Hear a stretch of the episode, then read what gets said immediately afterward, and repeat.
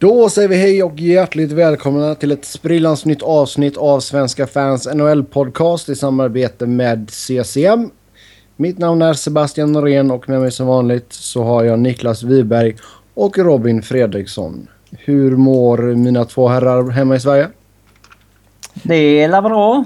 Det duger. Gött. Ja, här var det, kom det några regndroppar förut idag så nu eh, blir det kaos på vägarna här. Ingen vet hur man kör i regnet i Kalifornien. Ingen vet hur man kör i Växjö heller förutom jag. Det är därför du, du tutar på alla och ber dem flytta på sig. Jag använder väldigt sällan tutan, däremot eh, väldigt ofta svordomar och så hytter jag med handen som eh, lite så här äldre personer gör ibland. Ja, okej. Ja, det är inget... Ja, det är ett ålderstecken. Hytta med näven åt folk i trafiken. Ja, det är bra. Ha, eh, nu ska vi inte snacka väder och trafik utan vi ska snacka hockey såklart. Och eh, vi börjar programmet med en liten eh, update angående via Play och stöket som har varit där. Och Niklas, du kan väl berätta vad det senaste är här nu för er där hemma. Ja, det senaste är nu att man har fått access till NHL.tv via, via Play då. Eh, där man får gå in eh, via deras eh, support, kundtjänst, whatever, vad det nu kallas. Och där de har eh, berättat om vad som händer, typ, eller rättare sagt där de har berättat vad som inte händer. Eh, och där kan man klicka sig vidare och så får man en, en sån här kod som man behöver använda när man reggar sig på nhl.tv. Och, eh, Spontant intryck av NHL.tv. Jag har bara hunnit testa det lite jättesimpelt här ikväll nu och jag tycker väl det flyter på bra. Det verkar smidigt och, och sådär liksom. Det jag irriterar mig på är att man inte kan anpassa storleken på eh, liksom fönstret som visas så att säga. Eh, Ja, det är ett jävla beteende. Ja, för det var ju, det funkade ju jättebra på Game Center. Det var ju bara typ minska liksom fliken man hade uppe och öka den och allt sånt där så, så följer den med ju. Nu är det ju lite irriterande med ehm, med eh, ja, att det är samma storlek hela tiden och det är ju förhållandevis liten storlek liksom. Och ska man ha den större måste man gå upp i, i helskärm. Och det är ju inte alltid man vill ha helskärm. Nej, det är, det inte. Och det är väl eh, efter en väldigt kort och väldigt eh, enkel eh, ja, titt på det så är väl det det enda som jag reflekterar över så här initialt. Mm, ja, jag gav ju mina betyg åt det nya där när vi pratade om det senast. Jag, jag, Jag har redan glömt dem, vad sa du? Nej, men alltså just det att på, till exempel på Apple TV och på min andra sån här Roku-box då som jag har i sovrummet så... Ja just det, eh, nu kommer jag ihåg. Ja, alltså just själv, själva... eh, vad heter det? Eh, layouten på, på appen är skit. Det använder inte jag så det skiter jag i. Nej men alltså ju, i och med att jag har det på tvn. Alltså det är gött att kunna se det på tvn utan att hålla på och fippla med datorn och sladdar och airplay och allt sånt där skräp så. Jo, det är klart. Hur hittade du NHL TV? Alltså Mm. på Viaplay? Eh, nej, alltså antingen får man gå in på deras såna här support och leta upp den här, vad ska man kalla det, artikeln eller man ska säga det, där de har eh, uppdaterat om, eh, om vad som händer med Game Center liksom. Och där finns det länkar. Annars kan man ju gå in på nhl.com och klicka sig vidare. Så det var inte så att du fick ett e-mail att här nu så händer det Så- lite grejer? Okej, så det är inte genom Viaplay på samma sätt som det var med Game Center? Ah, nej, nej, nej. Och nu ska jag väl tillägga sig, sig, de säger att det här är en temporär lösning. Men eh, man måste få den här koden via Viaplay och sen går man via nhl.com. Ja, det känns lite som att man inte tänkte först där. Fast det är ju bara en engångskod. Eller vad menar du? Nej, alltså jag menar att det inte blev integrerat ordentligt när det byttes om och allt sånt där. Ja, men det ju... Det klagade vi på förra gången. Ja, det är ju för att de inte kan sina grejer. Mm. Och att, Ja, det vi tog, får se. att det tog liksom två veckor för dem att skaka fram den här lösningen tycker jag är jävligt märkligt. Mm. Om det bara handlar om att ja, men ni får access till nhl.tv och här får ni en kod. Liksom, vad fan är det som tar två veckor för att få den lösningen? Ja men sen att du ska behöva klicka dig fram till det också. Det känns som att det... det Hur hittar man koden? Då har jag ju sagt det, det typ tre gånger redan. Du måste gå in på den där... eh, Ja men alltså, det går ju inte att klicka sig dit till, från nhl.com. nej, du ska gå in på Viaplay. Och så klickar du på sport. Och så klickar du kategori NHL Game Center. Och så Där är det länkar- helt tomt. Ja, och så länkas du vidare till uh,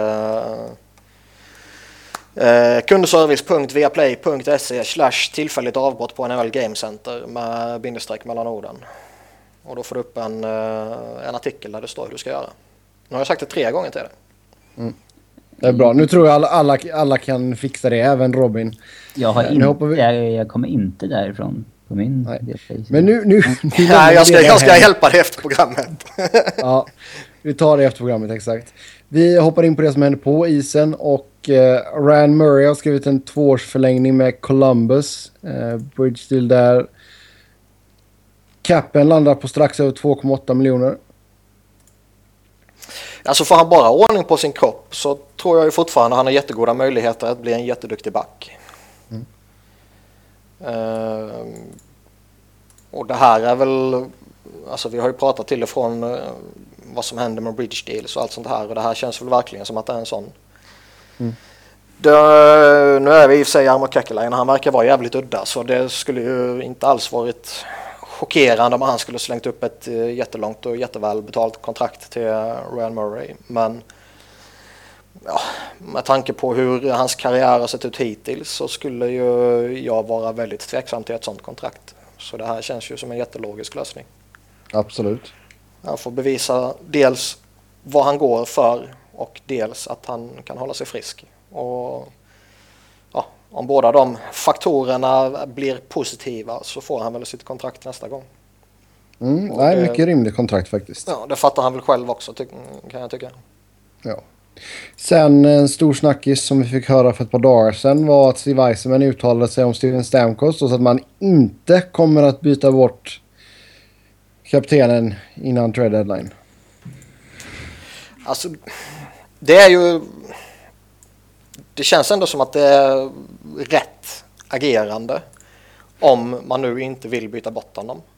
Just för att vad de förmodligen hoppas att kunna få bort eh, alla spekulationer som kommer finnas inför trade, dead, eller trade deadline. Sen kommer det ju givetvis finnas jättemånga rykten och spekulationer om vad som kommer hända till sommaren.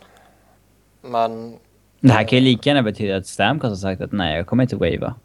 Ja, definitivt. Det... Men jag tror ändå det är vettigt av dem att gå ut och kommunicera ut det liksom officiellt så att folk vet att ja, ja, han kommer vara här säsongen ut och sen får man se vad som Ja, händer efter det. Liksom. Sen kommer inte ryktena försvinna och spekulationerna och snacket kommer inte försvinna bara för att de har sagt det här utan det kommer ju fortfarande pratas jättemycket om det. Den enda grejen är väl att det, ja, det kommer inte pratas om det som en trade inför trade deadline. Och det tror jag är vettigt av Tampa att liksom kommunicera ut det och slippa den cirkusen som eh, liksom, du vet, Tampa Bay spelar mot Toronto på trade deadline day. Liksom. Hur... Eh, alltså det kan ju vara ett farligt spel det här också. Det kan ju bli att man tappar honom helt enkelt till Free Agency. Ja, det är oförlåtligt. Det har vi pratat om. Alltså, den, en sån sits får man ju överhuvudtaget inte riskera att hamna i. Men nu har man Men- riskerat att hamna i den. Och, Men om vi, tittar, om vi tittar på det från Stamkos synvinkel. Alltså det är ju inte så att det skulle... Jag menar alla lag skulle vilja ha Steven Stamkos. Men tror ni att han kommer få mest pengar om han stannar i, i Tampa och signar max term? Än, eller om man går ut på öppna marknaden? Nej, Det är väl ganska otroligt att just Tampa är det lag som skulle vara redo att betala mest för honom. mm. Eh, Det som är jävligt intressant och som ger hela den här situationen en lite ny twist. Det är ju att det kom ut, om det var igår eller häromdagen minns jag inte. Men Elliot Friedman nämnde att Tampa Bay hade försökt trada honom förra säsongen. Och att han hade fått reda på det och eh, inte blivit jätteglad över det. Så det verkar ju som att relationen mellan dem inte är jättebra. Mm. Och det får ju liksom en, återigen då att ja, jag tycker ju som jag har sagt flera gånger så tycker jag att Steve Eisman har gjort jättemånga jättebra saker. Men liksom sättet han behandlar Martin San Louis på och eh, om det nu stämmer det här med senast med Steven Stamkos att man typ i hemlighet försökte trada honom och sådana grejer då. Då måste man ju någonstans ifrågasätta honom rätt hårt tycker jag. Mm, det är väl något som så här. Man gillar ju de nya general som på något sätt skiter i alla oskrivna lagar och sånt där ja. Eh, som Tim Murray sen går bara in och kör liksom. Eh, skit, skiter i alla gamla oskrivna lagar som att man inte ska trada inom divisionen och så vidare. Liksom. Och man ska aldrig peta på bästa spelarens bästa kompis i laget och så vidare. Utan, men det kan ju slå, eh, slå tillbaka också. Det finns ju en människa bakom liksom Stamkos. Spelar man NHL på tv-spel då kan man ju eh, testa att trada sin första center mot någon bättre första center. Eh, Mm. tre, tre, fyra gånger misslyckas man så händer ingenting. Men i verkligheten kanske en, är en eh, spelare som blir lite lack då. Ja, det är klart. Mm. Ja, nej, vi får se vad som händer där. Men som sagt, ingenting kommer hända innan trade deadline. Sen får vi se vad som händer framåt sommaren helt enkelt. Rykten om att Carey Price kommer vara borta resten av grundserien. Eller resten av säsongen. Vad är det för skada han har egentligen? Lower body är det väl? Jaha. Kanske är en, kanske är en ljumske eller någonting som spökar. Vi vet inte exakt vad det är. Nej, jag har faktiskt ingen aning. Ehm, nej, jag menar... De är ju ett rätt skört läge för kommer han inte tillbaka snart så känns det som att man lika gärna kan stänga ner honom och satsa på nästa säsong. För kommer inte han tillbaka snart så känns det ju som att tåget typ går för dem. För de har, den kollapsen är ju fan episk. Eh, och de är ju en bra bit utanför nu liksom. Alltså utanför slutspel. Och eh, ja, dröjer det en vecka eller två innan han är tillbaka då är det väl bara att vänta. Eller tre veckor, då är det bara att vänta. Men liksom är det ännu längre tid än så då kan man lika gärna stänga ner honom och liksom nej vi kör inför nästa säsong. Det här är kört. Men grejen är ju där också. Alltså, säg att de vet eh, bakom kulisserna att ja, Price inte kommer komma tillbaka i tid för dem och liksom få rätt på skutan eller vad man nu ska säga. Um, ska man då ta och vara sellers helt enkelt? Alltså det har ju... Det steget tror jag inte man vågar ta alltså. Då... eh, Det, kom, det har ju kommit några rykten däremot och jag tror, jag har för mig det var Darren Dreger som nämnde det att Montreal kanske till och med överväger att spränga laget. Och att en sån som Max Pacioretty kan bli tillgänglig då liksom. Vadå, ska de spränga laget för att de upptäckte hur dåliga de var utan Carey Price? Jag vet inte. Är det någon som inte visste det innan? Alltså, det, Ja, alltså det... Alltså vi ser ju hela tiden lag som, eh, vad säger man, överskattar sig själva liksom. Och överskattar sin egen förmåga och tror för hårt på sig själva och då Ot- har jag... Ottawa förväntar sig att de ska hålla den nivån de höll mot slutet av förra säsongen och så blir det inte så liksom. Och eh, Montreal, alltså jag, jag tycker det är hårt att kalla dem en one-man team. Eh, för det är de ju inte. Men det är klart de är jätteberoende av Carey Price. Alltså, ja, jag har överskattat eh, Mark Bergevin som GM om han liksom får ett uppvaknande av att han upptäcker att de är på sin höjd ett bubble team utan Care Price. Nej men så är det, det håller jag med om givetvis. Sen, eh, eh, vad ska man säga, när Darren Dreger säger en sån här grej så Alltså det är ju inte på Bob McKenzies eller Elliot Friedmans eller Pierre LeBruns nivå liksom. Men det känns Ändå. ju ändå mer eh, relevant än random journalist liksom. Och eh, jag menar väljer de att spränga laget så är det väl typ Carey Price och PK Subban och eh, ja, ja, det är väl de två som inte är aktuella i så fall. Mm. Max Pacioretty borde väl inte vara aktuell men eh, uppenbarligen finns det ju någon form av spekulation eller rykte om att han kan vara det. Ja. Han är ju en av ligans bästa left-wingers och han sitter på ett jättefördelaktigt kontrakt så han skulle väl inte vara den som som jag skulle offra i första läget. Han har precis blivit kapten och hela det här köret. Men eh, visst, vill man ha något bra utbyte måste du offra något bra också. Mm. Ja, vi får se vad som händer där i Men- Montreal. Men om man bara tittar kortsiktigt och, och liksom man bestämmer sig för att sälja den här trade deadline eh, så har de ju inte jättemånga attraktiva pjäser direkt. Wise? Ja men det är ju typ han som kommer, han kommer ju locka, det vet man ju. Han, eh, det finns ju fortfarande någon galning som kommer titta på att han gjorde eh, liksom alla sina mål där i början och hoppas att ah, men han kanske kan hitta en sån form hos oss. Ja, exakt. Men Han har väl vuxit lite senaste åren också. Alltså han är ju... Jo, han är ju en kompetent spelare men jag menar Han är ju inte den spelaren som Vancouver var redo att dumpa till vem som helst. nej, nej, givetvis inte. Han är en fullt kompetent spelare och det är klart han ska vara ordinarie och hela det här köret men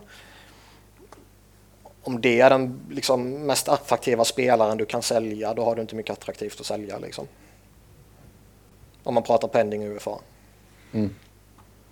Sen är det typ Tom Gilbert och sen lite annat skräp. Men det är liksom... Mm. Ja, vi får se vad som händer. San Jose kan överväga att gå efter en målvakt. Eh, Martin Jones, har han inte levt upp till eh, förväntningarna? Snacket som är här är väl att det snarare är en backup som de I Växjö, eller? Va? Snacket i Växjö eller? Växjö? Så snacket som är här. ja, snacket på... ja, Snacket på stan i ingenting. Växjö. Snacket på stan i Växjö säger att Sharks vill ha en backup. Evertsson som läcker. De har varit på Nilstorp. ja, för fan vad dålig han är för övrigt. Nilstorp alltså. ja, han har varit uppe i rättegång och skit så jag vet inte om han påverkas som det. är. Ja, Men... Eh, Sharks.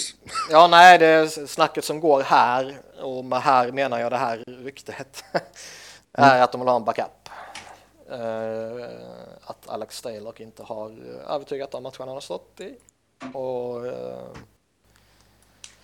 ja, vi har ju pratat lite om Martin Jones fram och tillbaka och det är väl inte den här eh, Han har väl ändå gjort det okej sett till vad, vad gjort- fall vi hade för förväntningar på Ja, honom. det tycker jag. Men jag tror nog ändå att rätt många hade högre förväntningar på honom.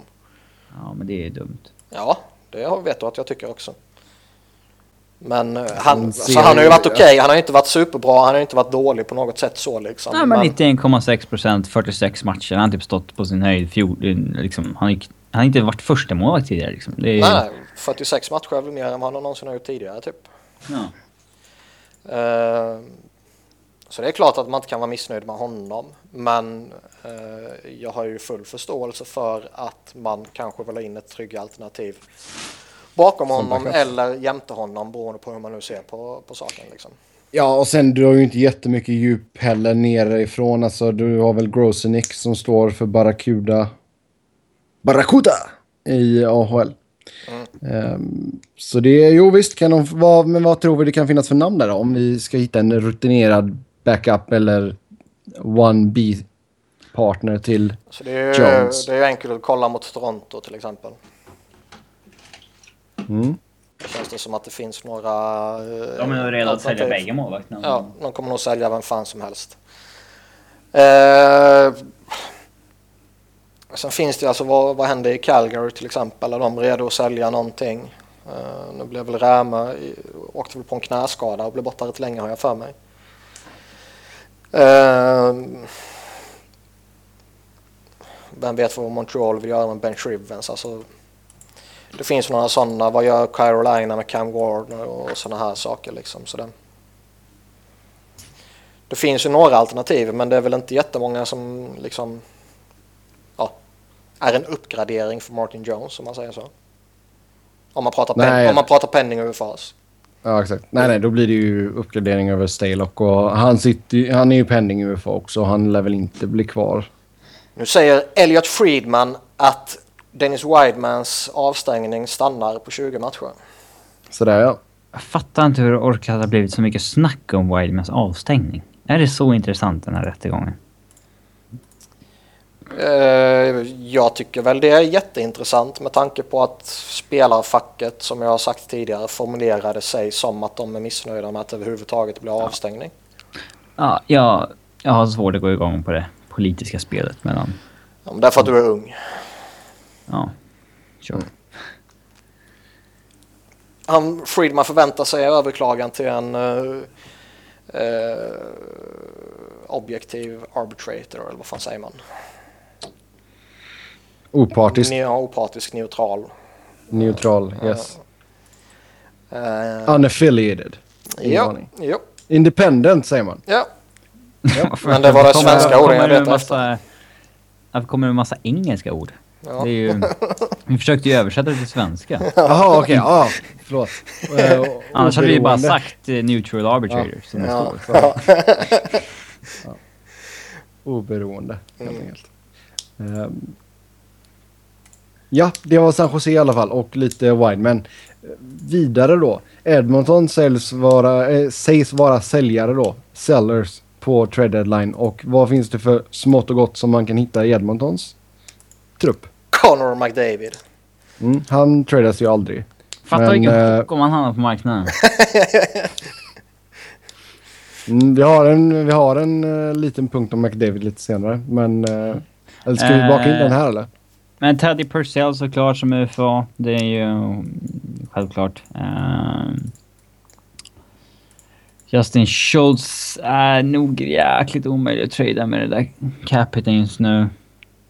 Alltså han, jag tror, det, jag tror folk kan vara redo att ta honom för någon form av reclamation project liksom. Men då handlar det Ja, ju om att ska byta. tillbaka. Ja, exakt.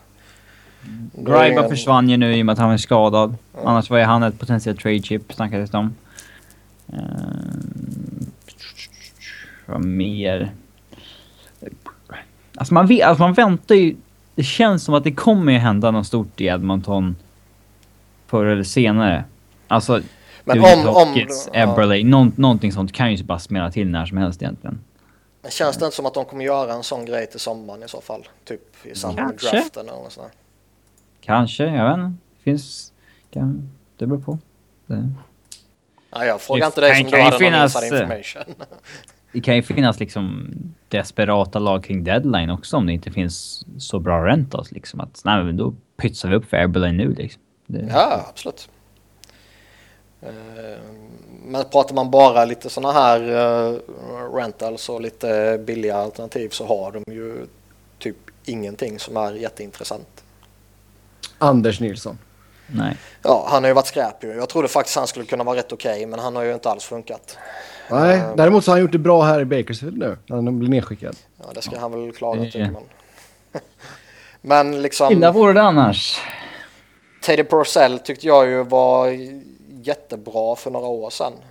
Eh, när han härjade i Tampa och så här. Och var väl kanske till och med en av ligans mer underskattade spelare under en period där.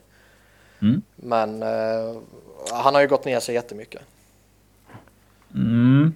Visserligen rätt, siff- eh, rätt okej siffror i år men... Det är klart att någon kan tänka sig köra honom som rental. Det är Jo, det tror jag. inga problem. Men pratar man liksom övriga som kanske har ytterligare något år eller två på sitt kontrakt kvar så liksom en Match Hendricks eller Mark Letesto, du vet sådana spelare. Även om jag tycker Letesto är rätt vettig så sett så ser jag ju inte som att det liksom någon kommer gå efter dem. Nej, de är ju inte bättre än andra rentalspelare som alltså är rentals. Nej. Ja. Vi, vi bakar in den här McDavid-grejen här också gör vi. Eh, de, de hade en poll... Så den är ju två frågor. Så den, och den, ja.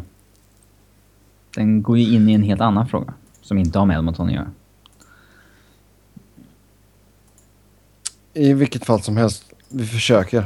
De, hade en, de, hade, de körde en poll på TSN, alltså en undersökning. Um, Alltså vi ge eh, upp... radio... eh, Ja, du menar den McDavid-frågan? Ja, Okej, då har vi, en- vi har en till McDavid-punkt senare. Men det är senare. Det är ju lyssnarfrågan. Det här som är på det, det vanliga. Vad är, vem är det som knäpper med någonting? Det var jag, ursäkta mig. Fy Ehm, fan! Säger han som sitter och smaskar chips i vanliga fall. Uh, skulle vi... Okej, okay. TSN Radio, 1040 AM. Vancouver. Skulle vi upp... Ja, en Vancouver. grym, smidig övergång på Edmonton-ämnet det blev. Ja. ja, verkligen alltså. Det, det är vad det är nu. Skulle vi... Skulle vi ge upp tio stycken first round picks för Conor McDavid? Det... Be... Spontant tänker jag så här, nej absolut inte. Men om du Men... har tio stycken plats 29-val? Ja, alltså grejen är så är du Dallas med Sagan och Ben som liksom... Eh, ja, nu är de lite äldre än så, men... Om vi säger att de hade varit 22-23 Eh, och man kanske har lite andra yngre spelare i 20, 21, 22 års åldern också som man känner sig rätt trygg med. Eh, men jag säga typ att Avs hade gjort det för två år sedan eller någonting. När Landeskog var 19, Mc, eh, McKinnon var 18. Eh, alltså det är väl egentligen det, det enda läget sådana situationer. Alltså man har draftat klart liksom. Ja. Man har målvakten Varlamo som håller tio år. Man, man har draftat Barry, man har Johnson som man tror håller tio år. Liksom. Man... Det är väl enda läget egentligen och rent logiskt så liksom ger det upp. Alltså vi har ju pratat Rangers rätt mycket. De har gett upp fyra stycken och de har typ en eller två prospects nu. Som mm. verkligen känns attraktiva. Ja. Nu kommer det uh, komma en massa obskyra prospects. Ja, men det vet jag. Det är bara därför jag säger det. Mm. De har inte en enda talangfull spelare i hela sitt system. men, men liksom, man kan ju se vilken jätteeffekt det ger och vi såg ju typ mitt Philadelphia för några år sedan när man går upp några där då i samband med Pronger-traden och så här vilket alltså bara var några år utan ett första val egentligen kan få för effekt. Mm. Uh, ska du då ge upp tio stycken så liksom jag menar, även om du plockar plats liksom 28 och 30 och 25 och så här under de här åren så har du ju liksom möjlighet att få en jätteduktig spelare såklart. Men sen å andra sidan så titta på Vancouver under en tioårsperiod. Ja, de har inte dragit ett skit på tio år. De har Nej. mycket hellre tagit McDavid. Ja, exakt. eh, men samtidigt, om vi hade... Eh, om vi går tillbaka tio år i tiden och ger Pittsburgh valet. Tio första val till eller Sidney Crosby. Eller liksom, vad... Om de hade fått ge upp tio första val för Crosby där, vad hade de varit idag då? Hade de... De hade redan draftat Malkin förvisso. Men... Men det är alltså sådana spelare, de kan ju höja en organisation på ett sätt som extremt få kan. Uh, Sen kan du ju trada till dig i första valet sånt där. Alltså det... Ja, jo, givetvis ju. Men det... Mm men Crosby kan ju lyfta en organisation på det sättet och han gjorde det med Pittsburgh. Och även om han givetvis har jättebra hjälp av Malcolm hela det där köret. Och Conor McDavid kommer väl förmodligen, även om jag hoppas att det inte blir så, men kommer väl lyfta Edmonton. Eh, jag tror för många lag skulle det nog vara jättemycket värt att offra eh, 10 first round picks. Speciellt i vissa lag där typ, liksom. där typ marknaden är död så att säga. Någonting där det skulle... Det skulle lyfta organisationen helt. Mm. Mm. Som Chicago, alltså Chicago var ju en död hockeystad för ett x antal år sedan. De tvingades ju ge ja. bort biljetter liksom. Mm. Kan man få något att hända där, fylla arenan helt plötsligt, då uh, kan det också vara värt det. Så det, svaret på frågan är ju... Det beror på vilken organisation i vilket läge. Ja. Men det är en tuff trigger to pull kan man ju säga. Ja, ja absolut. alltså, nej, men, nej, men säg, säg typ Arizona hade kunnat göra det. Ja, de, har en, de har en så en del bra spelare i, i systemet nu. Visst, ja, man kanske inte har någon elitmålvakt, men... Nej, men de har väl sin unga core satt, Ja, de skulle liksom. ha då en core med Domi, Duclair, Strom, McDavid. Eh, Dvorak. Ja, han... Alltså vi vet han inte kommer han bli bra. Men, Nej. Ja, men han, han är... Vi vet inte någonting liksom. Nej, men vi vet inte om Strom heller. Han gick... Ja. Han tror jag kommer bli jättebra. Han gick ja, trea, Dvorak gick andra. Han är jävligt hög på. Den... Uh, ja, vi får se. Mm. Uh, men ja, i Arizonas fall hade det säkert kunnat vara vettigt. Om... Uh, ja. Ja, fast det här, det här året första val skulle man nog ha kvar. Hur många skulle man ge för Matthews då? Om McDavid är värd 10? Jag, vet, jag, jag, jag har inte sett... Varför? Jag vet Nej, men jag har inte sett uh, McDavid, eller Matthews tillräckligt mycket för att säga... Hårdkollar inte du schweiziska ligan nu? Illa. Ja, men liksom så här, hur mycket av det första... Liksom, Nugent Hopkins var ju lika hypad inför hans år. Visst, han, har, han är jätteduktig så, men det är inte så, så att mm. Någon hade degat upp fem första rundsval för honom idag. Nej. Men det Matthews gör emot vuxna män i Schweiz är så imponerande. Och jag tror att det kommer ja, gynna honom i längden alltså. Jäklar vad det kommer gynna honom i längden. Ja, det säger jag absolut inget om. Mm. Ja, vi får se. Vi går vidare. Ett lag som sägs vara buyers, det är Vancouver. Och stora frågan är varför. Eh, man har skador på Edler och Sutter ganska länge och eh, sen så spekuleras det om att Willy Desjardins kan ligga lite pyrt till. Alltså det här är också lite så det här. Eh, jag har ju full respekt för lagen som, vad säger man, som inte vågar eller vill officiellt gå ut och säga att vi kommer sälja. Jo. Jag, jag har full respekt för att man inte gör det. Och och allt vad Nej. det innebär. Men liksom när, när du får långtidsskador Men. på liksom två av dina viktigare spelare och du verkligen har ett lag där du bara har bröderna Sedin i princip. Och eh, liksom Dan Hamoui har det ryktats om jättelänge och så vidare. Och de är på riktigt som varenda människa borde förstå jättedåliga. Och de kommer med väldigt stor De är en riktigt dålig sits. Ja, alltså de kommer ju, det kommer ju krävas något sjukt för att de ska ta sig till slutspel ju. Mm. Och ja, att de man, ligger, att de man då liksom, högre upp än de bör göra. Ja, och liksom att man då går ut och säger att vi eh, liksom, nej men vi, går ut, vi kommer vara säljare. Att man går ut och säger det, det är det logiska. Eh, men att man går ut och snackar om att man satsar mot slutspel och att man kanske till och med kommer vara buyers och, och gör det med liksom argumentet att Nej, men vi, vi värdesätter mer i att typ spelare som McCann och Burton och Horvath och det där gänget liksom, att de får slutspelserfarenhet. Känns ju också jättekonstigt. Men alltså det grejen känns, där då är, vad ska man plocka in och vad har du att ge upp? Det känns som ett old school-tänk som inte är särskilt bra. Sunt. Nej, exakt. Och vi har ju slängt i skit på Benning tidigare och det känns väl rätt relevant att göra igen om det faktiskt stämmer det han säger.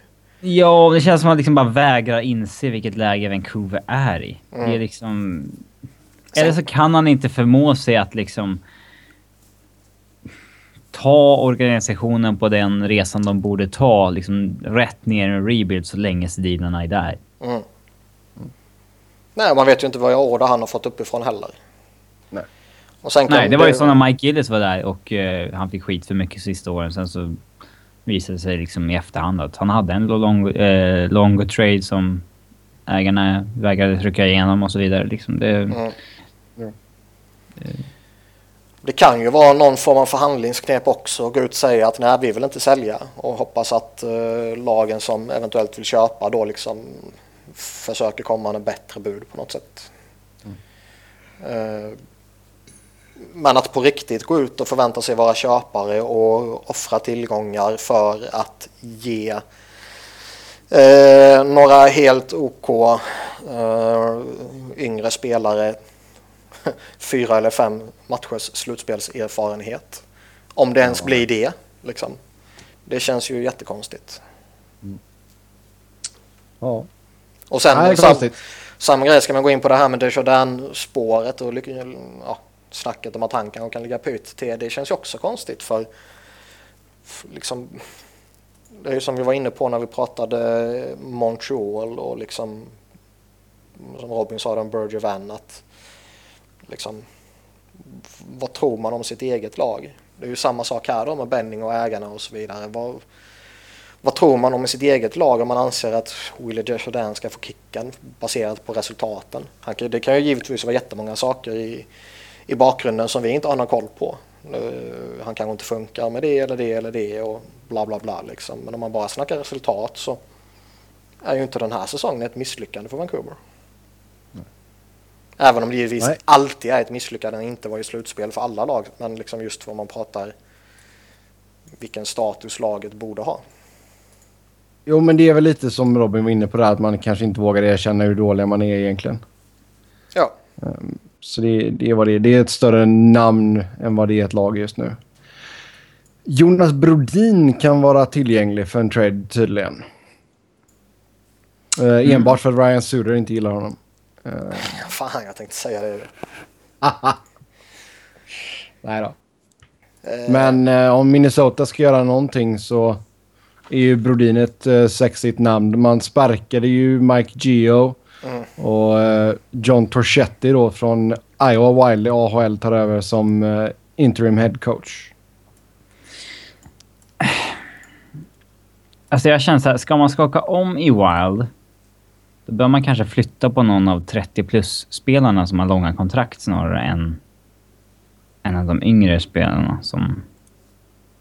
Eh, nu kanske Jonas Berlin aningen överskattad. Men han är ju knappast den jag skulle flytta på i första hand för att bygga om det där laget. Det beror på. Han är väl en av relativt få spelare de har som skulle kunna ge något väldigt bra i utbyte. Ja, jag vet inte. Jag har inte shoppat Vanek och Pommerville och sådär, så jag vet inte vad de skulle ge, men det... Alltså Pommenville kan man ju väl inte... Ah, ah, det vet jag inte. Med hans kontrakt och hans ålder nu. Det vet fasen om han ger bättre utbyte än Brodin.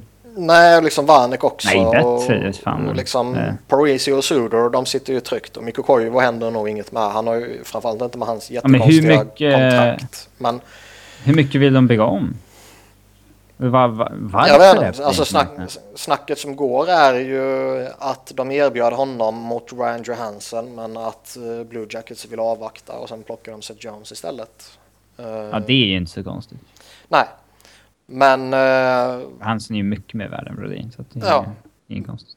Men eh, om det fortfarande bara är de, det snacket som att de erbjöd honom den traden, därför måste han vara på marknaden. Eller om de först slängde upp honom i den traden och sen när det inte blev någonting där så slängde de officiellt ut honom på marknaden. Liksom. Jag har ingen aning om. Men jag kan väl förstå att om, om man vill göra någon större grej och du faktiskt hoppas kunna få något riktigt bra utbyte så är väl han rätt logisk att offra tillsammans med typ Charlie Coyle eller Mikael Granlund i så fall. Åh, då, det... Åh, no, jag hade inte... Nej, jag säger inte jag skulle göra det. Definitivt inte. Jag skulle behålla Jonas Brodin. Men om du pratar eventuella trade chips som har ett värde så har de ju inte jättemånga. Alltså, ja, jag jag skulle snarare försöka göra tvärtom. Att försöka ge organisationen till de yngre spelarna. Uppgång. Jag, håller, ja, jag säger inte emot dig för fem öre, men eh, jag håller med dig till och med. Men jag Wow. kan väl tänka mig att det är ett resonemang som inte är helt felaktigt i så fall. Alltså jag tror inte att det är omöjligt att dumpa Pommerville och Vanek och bara öppna upp plats för dem och gå upp och sen så... De, skulle ju inte få tillbaka Nej, nej, nej, men alltså grejen är att det, Rick eller Rob Scuderi för de spelarna liksom. det är klart det inte är omöjligt att liksom släppa dem. Det är inte det jag menar. Utan jag menar ju att ska man på något sätt stärka laget så tror jag ju inte att Vanek eller Pominville är svaret. Ja, vi får se vad som händer i Minnesota nu under Torchetti. Eh, Dallas sägs kunna offra Julius Honka eller Valeri Nitushkin för ett stort namn. Eh, Honka har gjort det bra i AHL, jag har sett honom ett par gånger. Eh, dels eh, tvåsidig fråga här då. Eh, vad för stort namn tror ni man kan vara ute efter? Och två, vem skulle ni släppa av Honka eller Nitushkin? Innan vi går in på den så har Frank Saravelli lagt ut en grej nu att Wideman skickade ett mess till sina lagkamrater i början på februari. Eh, där han skrev det enda problemet och enda anledningen till att jag är här är på grund av de, liksom, the stupid refs and stupid media. Fan, han verkar svinga rejält den gode Wideman. Ja. Jag undrar vem det är som förrådde honom. Mm. Eh, ja, vem kan det vara? Ska vi säga att det är Micke? ja. ja, det är lite skoj. Mickis Backlund. Ehm, vad var vi för någonstans? Dallas? Dallas, Honka, Neturskin, stort namn. Alltså, ska Dallas gå för det eh, så är det väl rätt logiskt att man försöker plocka in en back till. Eh, för det är liksom bakom Klingberg så är det ju lite halvsuspekt. Goligoski har ju funkat okej, okay. Johnny Odoja är Johnny Odoja, men sen är det lite ungt och lite upp och ner och sådana här grejer. Så det är klart att skulle man få in någon eh, högklassig back till så skulle det här laget se jättebra ut. Och det kanske till och med är en nödvändighet med tanke på vilka lag man förmodligen behöver gå igenom i Western för att ta sig hela vägen. Jag hade Skulle inte man kunna- vågat trada Honka. Eh, Nej, alltså- Honka kan nog bli riktigt bra. Ja, alltså om ett år eller två så kan ju Honka vara den här backen som de vill ha nu. Ja, Niturskin skulle... Alltså han... Jag tror inte hans värde står så himla högt just nu i alla fall så att han skulle generera någonting stort. Så att... Nej, Men vad här, tror ni man skulle kunna tänka sig att gå efter? Tror man kan kanske lura bort Kevin Shattenkirk från St. Louis? Eller blir det för dyrt i och med att det är inom divisionen? eh, nu läste jag så jag hörde inte vad du sa. Alltså du är ju helt bedrövlig idag. Eh, jag sa Shattenkirk. Eller blir det för dyrt i, i och med att det är inom divisionen?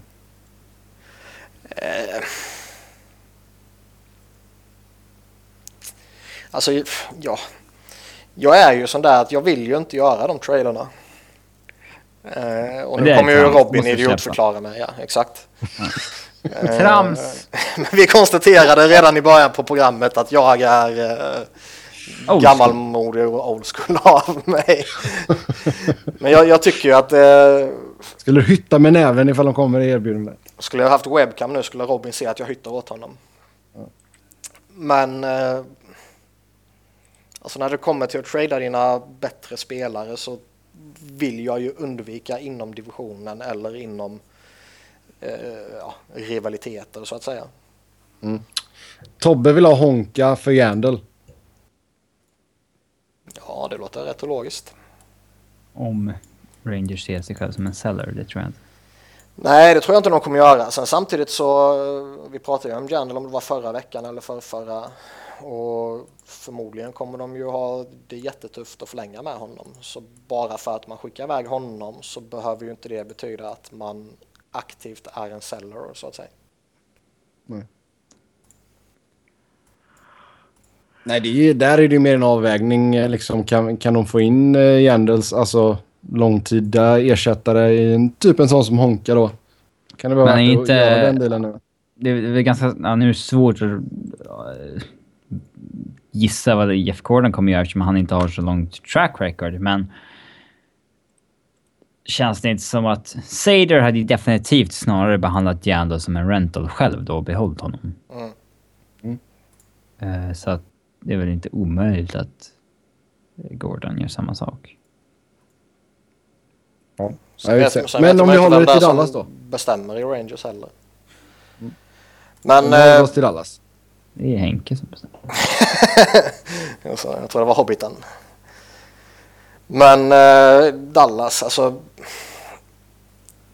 Jag skulle väl hellre offra Niturskin i så fall. Men som Robin var inne på så. Ja, han kommer från en långtidsskada. Han har ju inte. Det är inte så att han har exploderat den här säsongen och så vidare. Så Det, det är big risk, low reward. ja, lite så. Eh, om, för du får inte något stort utbyte för honom nu tror jag inte. Får ingen, alltså, du kan, kan nog inte byta ner Torsken straight up mot Chattenkirk. Alltså, det är, tror jag absolut Nej, inte. då får du paketera det med någonting. Ja, men alltså ska du ha han så. Då är det kanske båda två som ska gå. Mm. Och Honka, det är liksom svårt med... Som sagt, om ett år eller två år så då är han ju den backen som de vill ha nu. Och byter du honom mot en Keith Yandel till exempel eller vem det nu kan vara så kan du ju ur ett längre perspektiv ha gjort ett nedköp. Så jag skulle, ja, nej, jag är lite tveksam till att sälja av Honka. Men sen samtidigt, vill du ha någonting bra så måste du offra något bra. Och ska Dallas offra något bra så är det ju typ de två som är aktuella. Om man inte Mm. går på pix och grejer, men det vet man inte heller. Nej. Ja, vi får se vad som händer där. Eh, sen har vi två spelare som har gått igenom waivers som är värda att nämna. Det är Christian Eroff och Rob Scuderi. Vi kan börja med Eroff. Alltså han är väl rätt kass numera. Det som är lite förvånande att han passerade är ju att han, att han är så billig. Att inget lag kände att nej men vi tar en chansning på honom. Ävs har claimat så här pissrent skit. Låter man en sån kille gå igenom liksom. Det, nu har ju Ävs claimat sig till 50 kontrakt så att de kunde ju inte ta någon men... Ja, ja, jag har... Men alltså förmodligen är han ju, eller förmodligen, han är ju en jättestor skugga av sitt forna jag liksom. Och Jag förmodligen, har mycket svårt att tro att han inte är en duglig tredje backparsback i alla fall i NHL. Nej men det är det jag tänkte säga och liksom du vet ett lag som Blues som har lite backproblem med skador och grejer. Varför tar inte de en chans på honom bara liksom? Mm. När du får honom utan att ge upp någonting förutom en ja, nå- 10 000 dollar eller vad fan det kostar att ta över honom liksom. Men ja, nej, jag är jätteförvånad. Eh, skulle han kosta 3 miljoner skulle det ju inte vara chockerande överhuvudtaget. Men på en och en halv miljon och att liksom inte ett enda lag som har skadeproblem och grejer ens uh, claimar honom. Det, det förvånade lite. Mm. Och sen Rob Scuderi då. Ja, han är ju apdålig. Jät- in, ja, inget konstigt alls. Nej, fan skulle, skulle någon plocka honom skulle han ju vara tvungen att avgå. eh, Den GMen liksom. Mm. Sen har vi Evander Kane som är lite blåsväder igen. Eh, petad för att ha missat träning på grund av att han var i Toronto och kollade på NBA's All-Star match. Eh, han försov sig sen och eh, missade sitt plan. Ja. Jag vet inte vad man ska säga. Kommer snubben någonsin lära sig liksom? Uh, visst, det här är ju, alltså det, det här är ju ingen grej som liksom, du vet, slåss med en lagkamrat eller uh, Taskig timing när han precis så började komma igång som fan. Ja, men liksom det har varit, det har varit all skiten som var i Winnipeg och sen var det det här med eh, för några veckor sedan när eh, jag, jag minns inte, var det misshandel eller var det våldtäktsanklagelse eller vad var det? Ja, det var någonting med någon uh, sexanklagelse där, sexbrott. Ja, Eller något sånt var det. Ja. Eh, och det är väl fortfarande levande så att säga tror jag. Och sen eh, nu det här och som Robin säger, den bör komma igång och, och sådana. Alltså, det är för mycket skit runt omkring honom. Mm. Och någonstans måste man ju eh, liksom, ja, att han vill åka och kolla på den där jävla All-Star-matchen. Det, det säger Ja, det förstår jag inte för det första. För NBAs All-Star-match är ju trökare än NHLs. Ja, jag, jag kan inte det där tramset överhuvudtaget. Men eh, Otroligt pissig sport. ja, Lägg men, ner skiten. men, men vill man åka och kolla på den så får han väl göra det. Men han måste ju fatta liksom att man ska vara Han har på inte semester liksom. Nej, exakt. Det är inte så att man kan gå upp till, till kontoret och säga och lägga in en semesteransökan och liksom nu är jag borta tre dagar. Eh, så det där är ju liksom, dels är det ju korkat och dels är det ju oansvarigt och dels är det ju liksom respektlöst gentemot eh, laget och lagkamraterna och supportrar och bla bla bla. Eh, det känns väl som en legitim fråga att ställa sig om han någonsin kommer lära sig med tanke på att det har varit rätt mycket skit kring honom nu.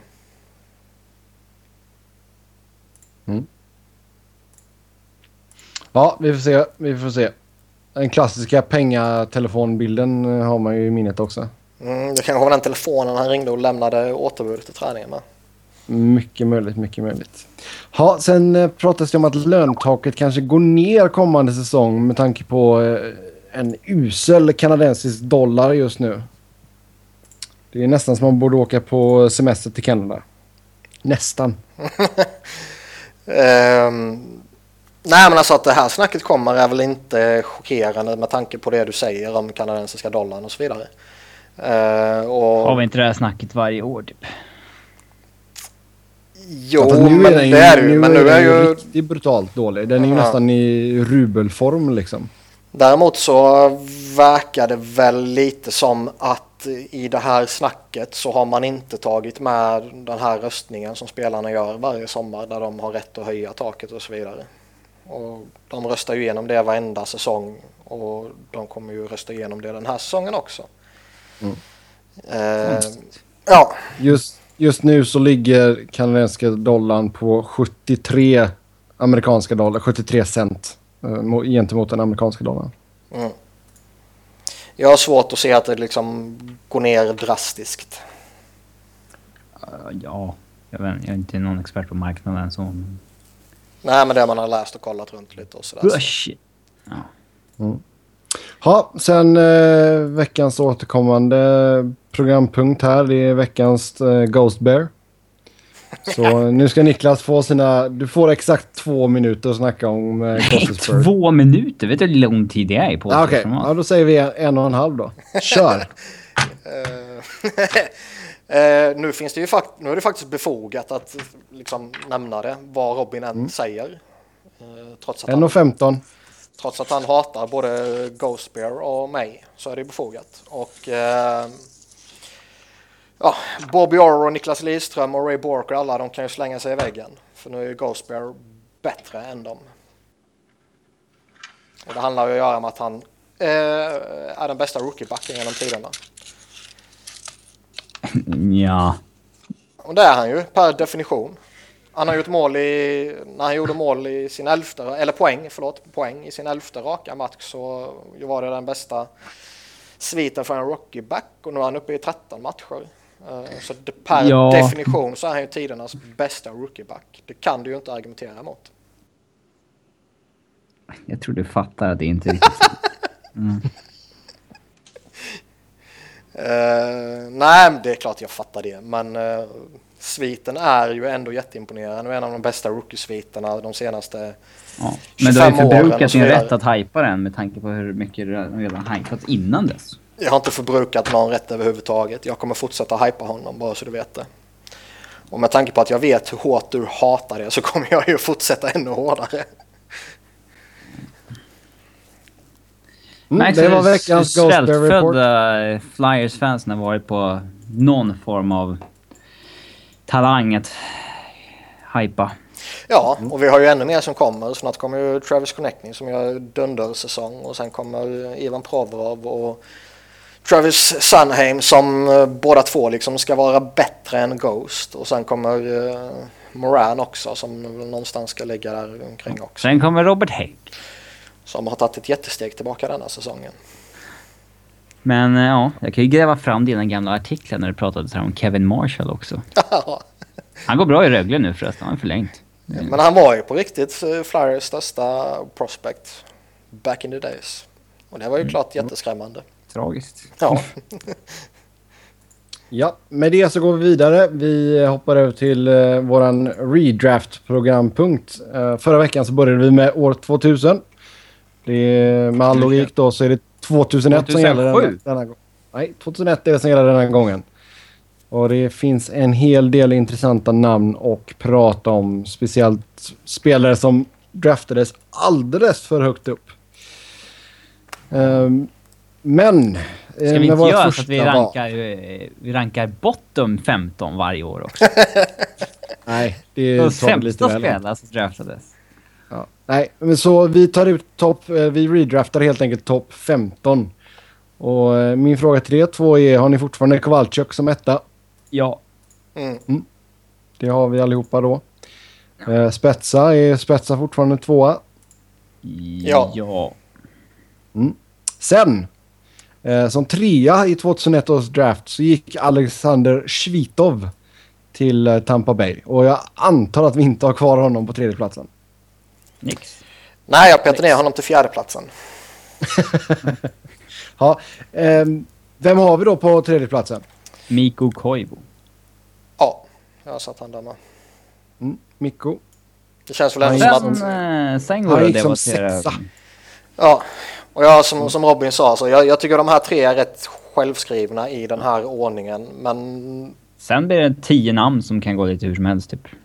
ja, jag tycker väl ändå att jag, jag skulle slänga in Patrick Shark som f- fyra. och Fyra. Patrick Sharp fyra. Han gick 96 tror jag. 95 95 sådär. Ehm, Jag tycker nog han ändå är rätt självskriven som fyra liksom. Men sen vet man ju inte. Han, han hade ju flytt och hamnat i ett förbannat bra lag och eh, skulle han inte haft den framgången han haft med Chicago så skulle han kanske inte varit aktuell för en fjärde plats liksom.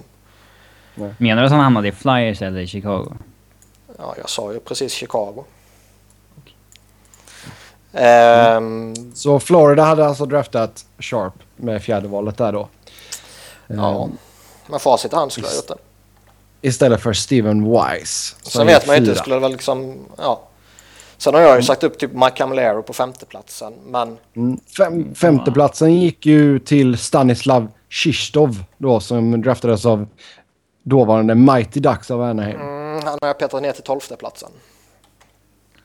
Men Ja, det märks att det var att det var någon i den här, någonstans i den här vevan som folk blev rädda för ryssar. Ja. Men liksom just... Det är lite svårt just Sharp Camilleri. Alltså, säg det skulle varit omvända roller och det var Camilleri som skulle hamna med Kane och Toews och Hossa och Keith och så vidare. Då, då kanske det var han som man skulle satt på fjärdeplatsen liksom. Mm, jag skulle nog kanske sätta en sån som Dan Hamhus för uh, Camilleri. Alltså han, jag tycker han var jättebra under flera år. Nu är han ju ett steg eh, sämre såklart. Men han känns ju inte som någon form av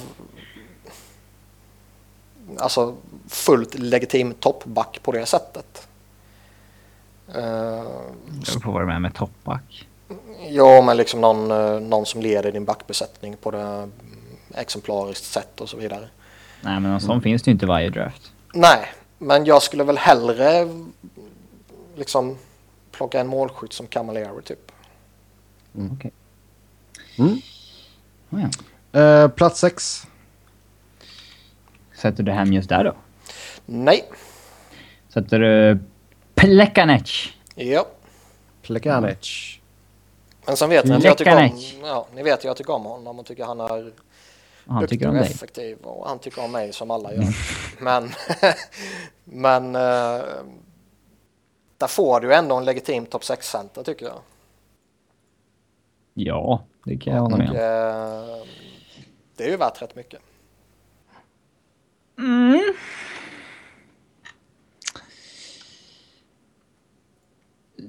Plats... Ja, Robin. Vem vill du slänga in där?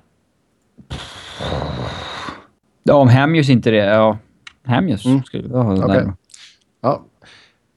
Eh, plats sju. Där gick Mike Komisarek till eh, Montreal. Alltså på sjuan skulle jag sätta in Hamhus om vi inte redan sett... Ja. Jag antar att jag torskar i debatten om man sätter honom femma. Så. Ja, Men ja, jag har satt honom som sjua dock. okej. Okej. Komisarek Eh, inte, inte, värt, inte värd den sjunde platsen. Nej. Eh, jag skulle sätta Komisarek utanför topp 15. Mm. Åttonde plats då. Där gick Pascal Leclerc. Fint, fint, ja, fint efternamn om än felstavat. Men eh, han ska ju inte gå där såklart ju. Nej. Målvakt som draftas topp 10 och inte blir någonting annat. Den är inte... Eh, Den är svårsmält. jag har faktiskt placerat in Mark Zidlišky på åttonde platsen. Jag har med han på min shortlist här, men jag... Ja, mm, ja. Alltså man glömmer hur jäkla lång och framgångsrik hans karriär har varit ändå. Mm. Eller liksom bara... Hur hög nivå han har hållit under lång tid. Ja, Också en av back, alla backar som har varit i Nashville. ja, han liksom gick i sjätte rundan. Fanns det något år när Nashville hade liksom alla de här samtidigt? Hade de det här Hamuse, Sydliski, Timonen, Sutter, Webber? Eh, vilka mer har de haft? Eh, hade de dem samtidigt någon gång? Uh, jag, Suter och Webber, kom inte de fram typ i den sekvensen när Timonen lämnade? 05.06 så hade de Shidlicki, Webber, Timonen, Suter, Hamuse. Och eh, ja, dåvarande, eller dåvarande, han, het, han var Mike, eh, Mark Eaton då också. Och så här, men då var det ändå pålitlig spelare. Eh, Ja, nej men Sydlycke det köper vi. Ehm, plats nio då, där gick Tomoroto. Ja, han har man ju petat ner. Eh, jag har slängt in Jason Pommenville på nionde platsen. Route the Route Pommenville. Pommenville gick som 55 Ja. Mm, ja, Pommerville kan jag köpa. mm. Sen då plats 10. Dan Blackburn gick som där. Just det. Just det, jag minns det. Just det. Det är alltid skoj med Rangers picks som eh, inte blir något. Även om det var lite skador och skit med honom. Ja, han åkte på någon jäkla uh, skada där. Det är Men, eh, kul med skador ändå tycker jag. Ja, det är det. Framförallt på Rangers. Men eh, jag har slängt in Christian Ehrhoff på platsen. Ja, Ehrhoff. Japp. Ja. Ja, jag håller honom före BX och Tiotin då som också är... Ja, de är väl Mm. närmast sig nu. Japp. Elfte plats, det gick Fredrik Sjöström till Phoenix. Den jävlan har jag slängt ner på bottom 15. Här slänger vi in Alexander Persjogin. Nej, för fan vad jag Man, hatar det. man, mannen som eh, dödade Keith Primeaus karriär. Ja. Nu förstår jag givetvis att du skojar här, men om du skulle ha sagt det på allvar så skulle jag fan åkt upp till Stockholm och... eh, Ja. Och hatat på dig som Gaisarna hatade på dig. Vad var det de kallade dig? Ja, det var mycket saker. Ja, eh, det- men han det- ganska lång... Med tanke på hur lång KHL-karriär han har haft så eh, man undrar ju vad, det hade blivit av honom om han stannade i NHL. Han är en av de här som liksom har levererat väldigt bra i KHL jättelång tid. Eh, jag accepterar inte beröm till Per Nu går vi vidare. Ja. Men vem slänger vi in där då? Jag har faktiskt Och- skrivit upp Dennis Seidenberg där. Seidenberg, ja. Han gick ganska långt ner. Tror jag att han missade honom när jag gjorde en short just av spela den här draften. Han gick i sjätte rundan. Mm. Så. Ja, men Seidenberg går ju för BX och Tiotin också. Ja. Ja, eh, då går vi, scrollar vi upp igen och sen eh, hittar vi på tolfte plats Dan Hamhus. Här tycker jag det börjar bli lite intressant. För liksom typ Mm. topp 11 tycker jag är rätt given. Sen kan man alltid eh, argumentera någon position Här är litet ner glapp. och så vidare. Men här, här någonstans händer någonting och det finns ju ett gäng spelare som kan gå Ja. liksom 12 eller plats 20 och det egentligen inte är liksom någon större skillnad. Nu vet ju du hatar ju en spelare som Derek Roy och sådär. Men liksom han hade ju ändå en prime som var rätt Högre. bra, men kort. Liksom. Eh, Det var ändå fyra Jag, säsonger eh, av typ snitt 70 poäng som center. Det är ganska... Ja, nej, där i Sabres var han ju jätteeffektiv. Inget snack om saken. Men jag skulle nog kanske slänga in Craig Anderson här. Jag har faktiskt slängt in Steven Wise. Mm, så Wise har droppat från fjärde till eh, tolfte. Ja. Det känns väl ganska rimligt. Eh, något case för att Hemski, Hemski ska upp en placering. Han draftades ju som nummer 13. Jag har faktiskt behållit honom på 13 platsen. Jag tyckte det kändes så lämpligt. Mm. Eh, Men som sagt, liksom här, här någonstans, Roy kan gå in på vilken plats som helst här. Craig Anderson skulle jag inte protestera mot alls. Nej. Vad har vi mer? Vi har liksom Kevin Bjäxa, han var ju rätt effektiv i några år där. Och, Mm. eh, Johnny Oduya. Johnny Odoja är definitivt ett namn som kan förtjäna att nämnas. Liksom. Eh, Mike Smith. Nej. Eh, nej, men här, här känner jag att det på riktigt börjar bli svårt för... eh, hur ska man förhålla sig till liksom Jussi Jokinen och Tomoroto och, och Fedor Töiten som Robin nämnde tidigare. Liksom. Det... Så stabila NHL-spelare under ganska lång tid. Som... Liksom, när det är de här spelarna som är mellan val 10, 15, 20, liksom i en ranking av de bästa spelarna i hela draften, då undrar man så shit, hur mycket är draftval värt egentligen? Mm. Som var typ RJ ja. Umberger, nu är han skräp så det bara sjunger om det i och för sig, men han var ju jättebra i jättemånga år ju. Ja, men ja, jättemånga. Grejen med honom är att det är så bra så kort tid. Mm. Och det är samma sak med Roy och... Eh... Jordan Tutu. ja. Kyle Wellwood. ja. Uh, vad finns det mer för roliga? Chuck Kobachu. Marcel mm. Gosch. Marcel Gosch, ja. Uh, ja, Kobachu gick ju som 14 där. Mm. Um, och sen, sen gick sen Igor Kniazev som... som 15. Mm. Så vi får pilla in, om vi sätter Hemski på 13 då, så är det de två sista platserna som vi ska debattera om. Sen har du ju två sådana som liksom Brooks Leitch och Ryan Clow. Som ju har fått rätt mycket förstört, för att inte säga allting i Klaus fall, eh, förstört på grund av skador liksom. Mm. Uh, ska man då blanda sig i det här, ja. vad hade hänt om de inte skulle blivit skadade? Så är det ju det. Alla powerforwards blir skadade. Jo, men här är det ju extrema fall känns det som. Ja, men han var ju då, han var ju en slut när han blev konkast. Liksom. Jo, men innan dess var han ju vettig. Och Brooks Leach var ju innan han var det ljumske. Han hade så jätteproblem med under en rätt lång tid va. Alltså Jussi Jokinen skulle jag väl sätta före de två. Ja. Ja, jag skulle sätta många spelare före de två med tanke på hur karriären gick och så vidare. Men om man ska då som sagt blanda in det här What If så förtjänar väl de att nämnas. Mm. What If? Sen vad har vi mer för roliga spelare? Cristobal Houé. Ja, vill okay. man ha en målvakt så är väl han en av toppalternativen. Ja. Han går ju före Max Smith i alla fall. Nej. Nej, det gör han ju inte, men... jo. Uh, ja, plats 14 säger vi uh, Jokinen då. Och sen plats 15. Uh,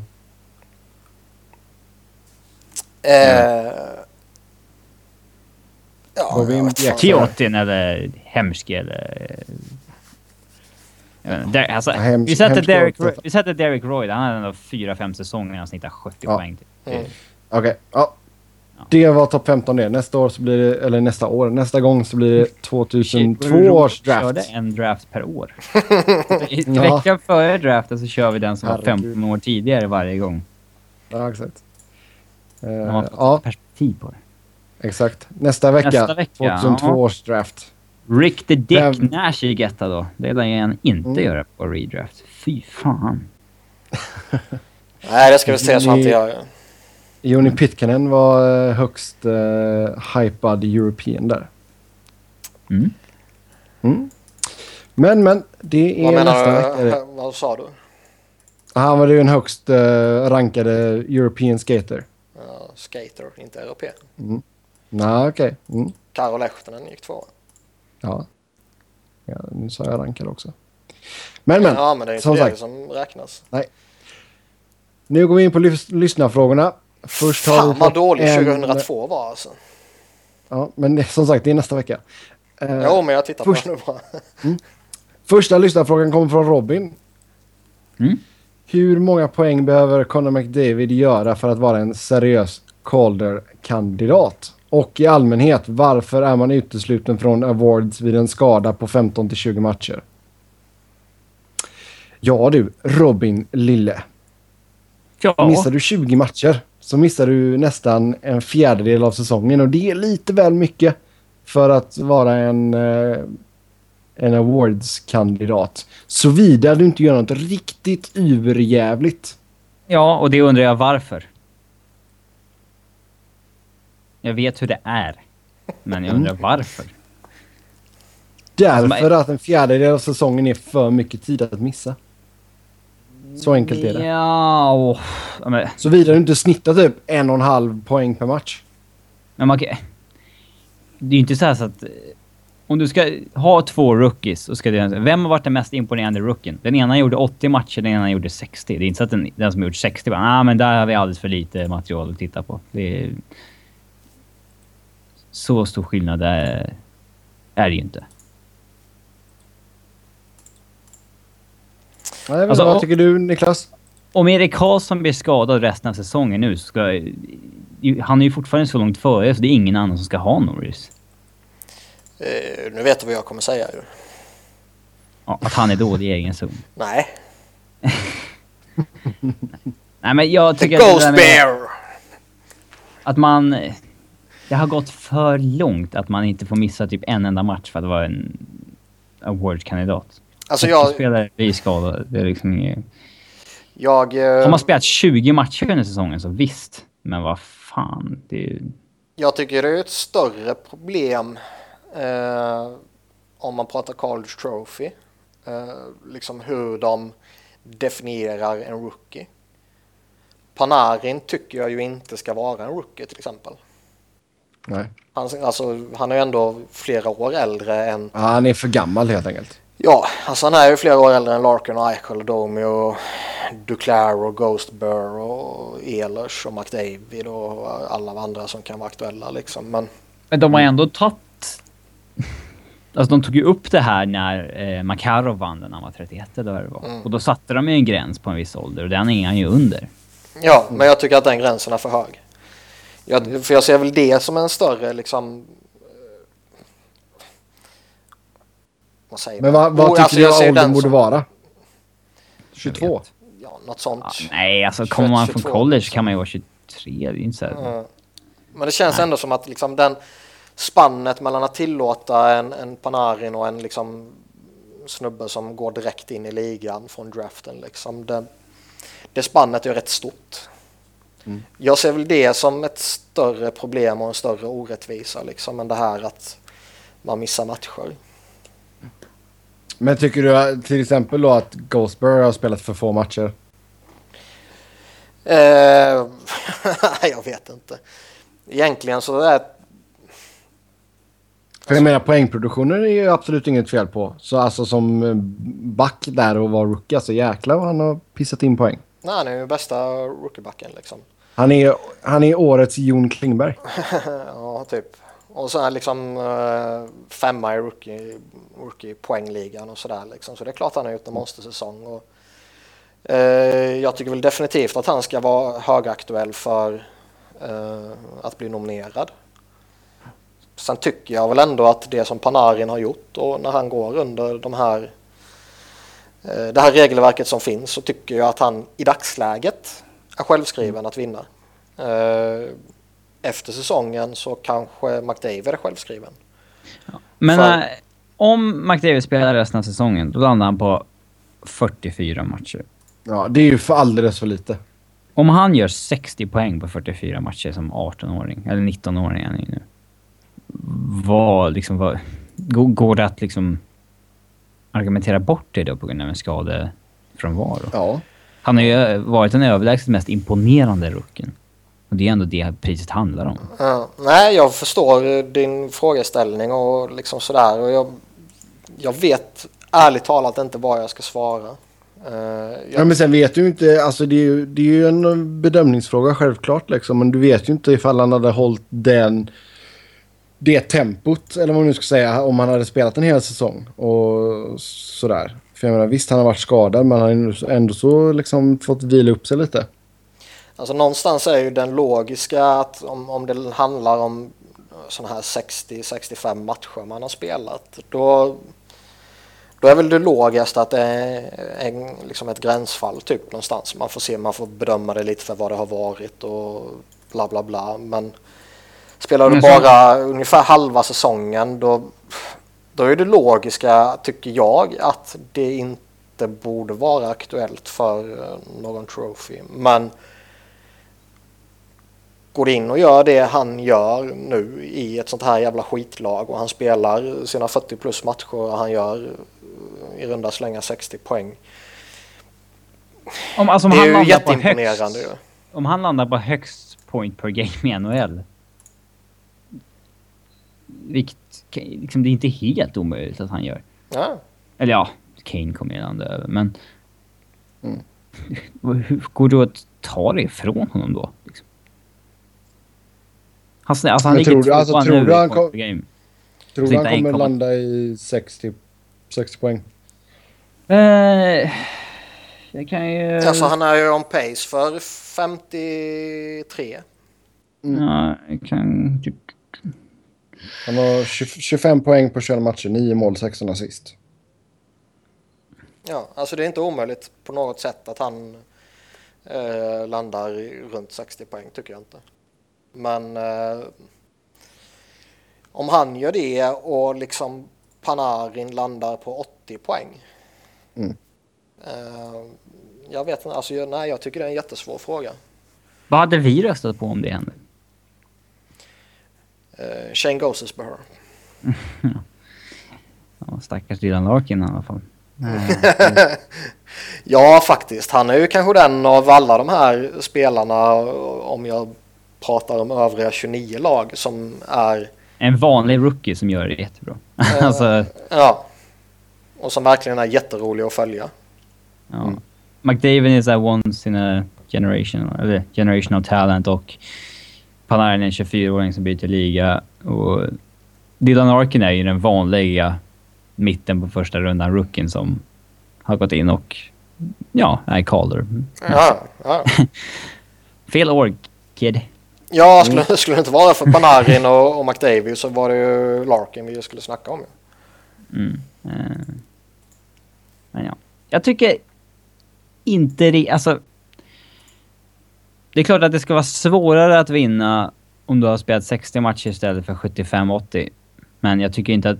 Vissa är ju så här så att de är... Nej, det är helt uteslutet om de har spelat 58, 59, 60 matcher. Som Hedman i fjol. Mm. När det gällde Norris. Och det tycker jag är lite överdrivet. Ja, men någon, någonstans får du ju sätta en gräns. Sen om det ska vara att du missar 20 är upp till var och en matcher eftersom det är en eller 25 omröstning. matcher. Ja. Men jag spelar, spelar du halva säsongen så ska det ju till någonting, som sagt, någonting überjävligt för att du ska... Här har det varit den bästa backen eller något så... Ja, så har den ändå. Tycker jag. Mm. Mm, nej, som sagt, bedömningsfråga. Tyvärr så får inte vi rösta i de uh, awardsen. Nej, ni skulle bara rösta fel ändå så det är lika bra. Det hade sett så jäkla roligt ut. Det kom en Norris-röst för, uh, för Ghostbur. Så bara, Niklas, Man fattar ju att någon Sweden. jävla fyllig journalist kommer ge honom en tredje röst. eller- Alltså, ja. det kommer ju ske. Och så kommer... Det, det kommer ju vara... Ja, Men alltså snack, snackar, du, snackar du Norris eller Calder? Norris. Norris är ju... Det ska han givetvis inte vara ju liksom. Men Calder ska han ju definitivt vara högaktuell för. Ja, jag har svårt att se han få... Alltså om folk... De som... Sen, Visst- tror, sen visst- tror jag att Panarin, Eichel, Larkin och eh, eh, McDavid. McDavid. Alltså det är ingen Det är som inte kommer ha mäktige... Ingen kommer ju inte ha med McDavid. Vissa kanske skippar honom som etta. Men om han gör 50 poäng... Han kommer ju alltid vara med på folks topp tre i alla fall. Det tror jag nog. Kommer Alltså han kan, ju, han kan ju mycket väl få en hel del första röster från Kanada ändå liksom. Det, Ja, det, men det är förvåna inte helt obefogat. Det kan vi inte sitta oss... Om han gör fan, det. det- Den jävla omröstningsproceduren är skit ändå. Eh, nästa fråga då, som inte kommer från Robin. Eh, varför är det mycket mer viktigt om man är höger eller vänsterforward i Nordamerika än i Europa? Är det viktigare i spelet, det vill säga svårare att byta? Ehm, eller är det mer initierade experter som tänker på sånt och därav mer snack? Debatten om höger och vänsterforward finns ju aldrig i, eh, eh, i Sverige, vilket är ganska märkligt tycker jag. Eh, jag har bara mest känt att det är på grund av liksom att NHL ligger allmänt före vad det gäller hockeytänk. Eh, sen, jag, jag har inte riktigt tänkt på om det har med rinkens grej att göra, med att, att man helt, helt utesluter det.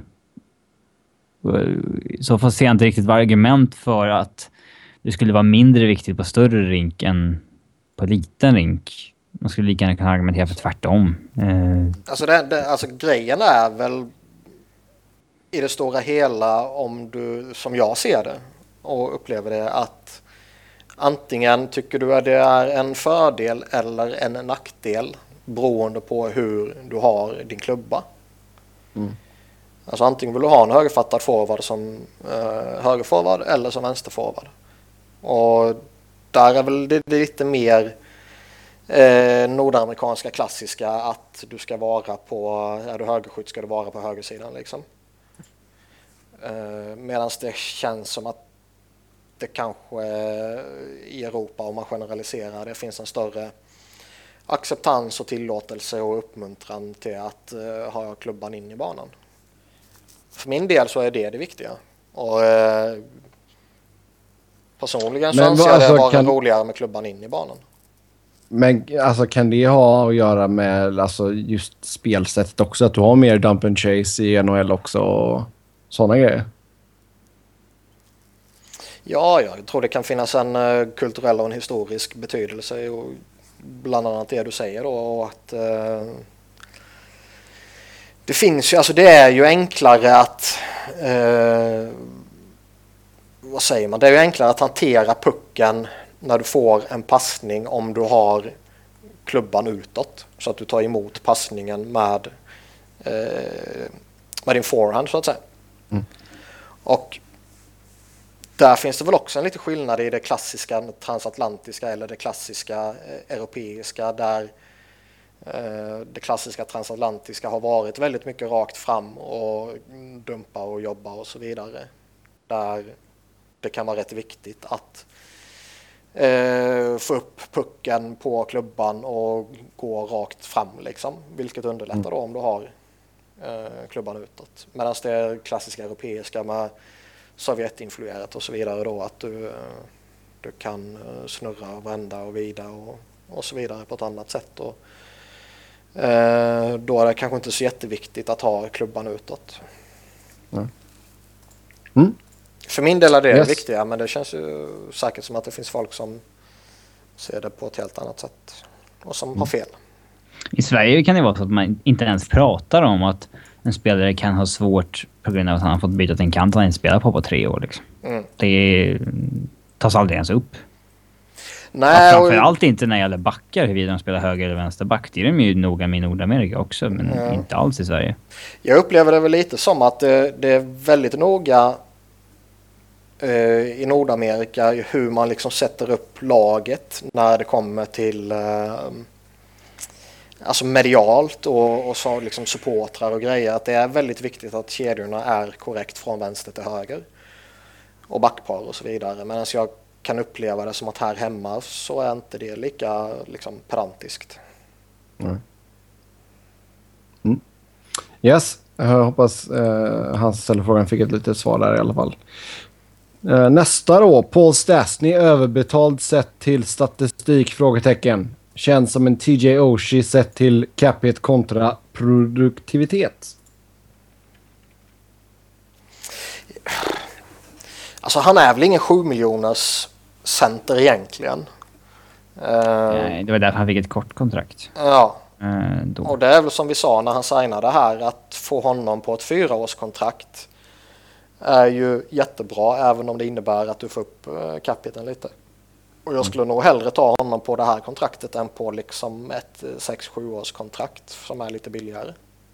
Mm. Sen har han väl haft, han har ju haft lite skadeproblem och skit och så och det, eh, det påverkar ju givetvis helheten. Jag tycker han är en fullt kompetent andra center liksom. Mm. Och en bra tvåvägscenter och så vidare men eh, eh men det känns ju som att mycket med Oshie var ju hype också. Ja. Stasny har ju inte varit så hypad som Oshie var. Alltså jämförelsen med Stasny Oshie förstår jag inte alls. Det är helt olika Nej. spelare. Så det... Ja. Sen är Stasny, han kommer ju alltid, alltså med tanke på vilket efternamn han har så kommer han ju alltid förknippas med vissa saker. Jo, det är klart. Pappa var bra. Ja. Och då kanske man... Eh, eh, ja, då får man ju en stämpel på sig också. Precis mm. som när Niklas Lidströms ungar kommer fram så... Ja, herregud. Usch. Mm. Ingen press där inte. Mm. Eh, vidare då. Är det... undrar jag nästan ifall det är Simpa som har skrivit in här. Håller Luongo högst för Ves Vesna Trophy i år? Ser ni någon annan vinnare? Sett till lagets placering, prestationer etc. Jag kan faktiskt inte se någon annan vinnare än Braden Holtby just nu. Nej, jag tänkte säga det. Braden Holtby, absolut. Ehm, jag tycker Corey Schneider gör ett jäkla jobb i New Jersey. Men... Mm. Men det var, det var lite tragiskt ifall Holtby inte vann bara för att det laget hade klarat sig ändå. Han har varit Jo. den bästa målvakten, punkt slut. Liksom. Det, Men hur bra skulle de klara sig? det är en helt annan debatt. Ska Karl, eh, eller ska Vesene också börja handla om... Vi, eh, vi kommer till den i en senare lyssnarfråga. Ja, det där, nej. Men Holt- eh, Holt- jag skulle ge till Holtby. Mm. Jag tycker han, Merasek har gjort det bra också, men har han spelat för få matcher? Det finns inget sånt. Jag tycker, eh, nej men alltså för min del så är det tre målvakter det är de tre som ni sa. Det är Holtby och det är eh, Bob Lou och sen är det Corey Schneider. Japp. I den ordningen. Eh, ja. Ska vi se. Nästa fråga. Det här blir kul att ta på uppstuds. Eh, det bästa och sämsta laget som vunnit Stanley Cup sedan 2000. Eh, jag har faktiskt lovat våran kära Emil att jag ska nämna Carolina vid ett tillfälle i den här podden. Och eh, det är inte under det bästa laget. Nej. Utan det är väl, om man tar den pucken först så är det väl, ja. Alltså slutspelet 06 var det var så, så jävla konstigt. Hela, allting var så jättegalet och liksom du vet eh, Carolina Edmonton som egentligen var skitdåliga går till final liksom. Sen var ju matcherna i sig var ju på inga sätt tråkiga på det sättet men hela den säsongen var så konstig. Och tittar man på alla de segrarna under den perioden här så tycker jag väl att Keynes är rätt självskrivna som det sämsta laget. Mm. Bästa laget då? Här blir man ju lite små, så här smått romantisk ibland känner man. Jag blir lite Mm. nostalgisk här. Eh, å ena sidan så tycker jag väl att både Chicago 2013 och LA 2014 förtjänar att nämnas. Ja, det var väl historielöst. Eh, ja, men låt Chicago prata, 2010 var ju bättre. eh, ja, låt mig prata klart. Jag tycker, Ja, de, jag tycker de ska nämnas på något sätt mest för att eh, liksom om man tittar på vilka lag de gick igenom och på sättet de gick igenom, typ LA 4-3 mot Sharks där de vände där och sen 4-3 mot Anaheim, 4-3 mot Chicago och sen körde de över Rangers eh, och Rangers suger ju så det var inte så svårt i och för sig. Chicago gick förbi Min- Minnesota, Detroit, LA och sen Boston i finalen. Alltså det är rätt, två rätt tuffa vägar. Så om man pratar om de senaste åren så tycker jag ju det är de två lagen som förtjänar att nämnas. Eh, däremot så blir man väl lite nostalgisk, i alla fall blir jag det, och tittar tillbaka till Colorado 01 och Detroit 02. Mm. Det var exakt Detroit. de två lagen jag skulle kolla på Ja. också faktiskt. Detroit... Eh, ja, var det 08 eller 09 de vann? Ja, det laget var ruskigt. 08. vasst också. 08 vann de. Ja, sen var Pittsburgh året efter. Så ja. Eh, Men de hade alltså 02-laget där de hade Detroit. Det var ju, det var ju sjukt ju. Det var med Hasek och så var det med Lidas och Chelios och Iceman, Larionov, Datsjuk, Shanahan, Brett Hull, Fedorov liksom. Holmström. Mm. Alltså det, Holmström, ja det var... Han eh, rövar säkert in ett par baljor där vet du, med stjärten. Men- det- det kanske laget, inte ehm, inte. men det laget de hade då, det var ju sjukt ju. Alltså visst, eh, 08-laget eh, håller jag jättehögt också såklart, men eh, eh, vad säger man? Det fanns ju inte samma liksom, legendstatus på det laget som Nej. på 02-laget. Nej, vänta tio år så kommer Zetterberg och Datsuk ha den legendstatusen. Så att... Som Iceman och Larionov Ah, och Fedorov, Fedorov och Shanahan och Hall. Det är ändå flera av tidernas bästa spelare vi snackar om. många Hall of Famers där. Nu är du ute och svingar Många lite av dem var ju på sin, okontrollerat. De var ju inte direkt sin prime då alltså. Nej, men vad fan, det är ju legendarer så bara sjunger om det. Ja, vi pratar om vilket lag som var bäst då. Ja, det var de väl då, eftersom de vann då. Det laget som hade haft enklast jäkla väg till uh, en Stanley Cup-seger, det är väl Kings 2012. Devils i en final och Arizona i en... Uh, Mhm. uh, Arizona i sin, i sin livsform. Ja, men det räknas ju inte. eller ja, Nej. Phoenix som de hette då. Blues som de svepte i fyra matcher innan dess.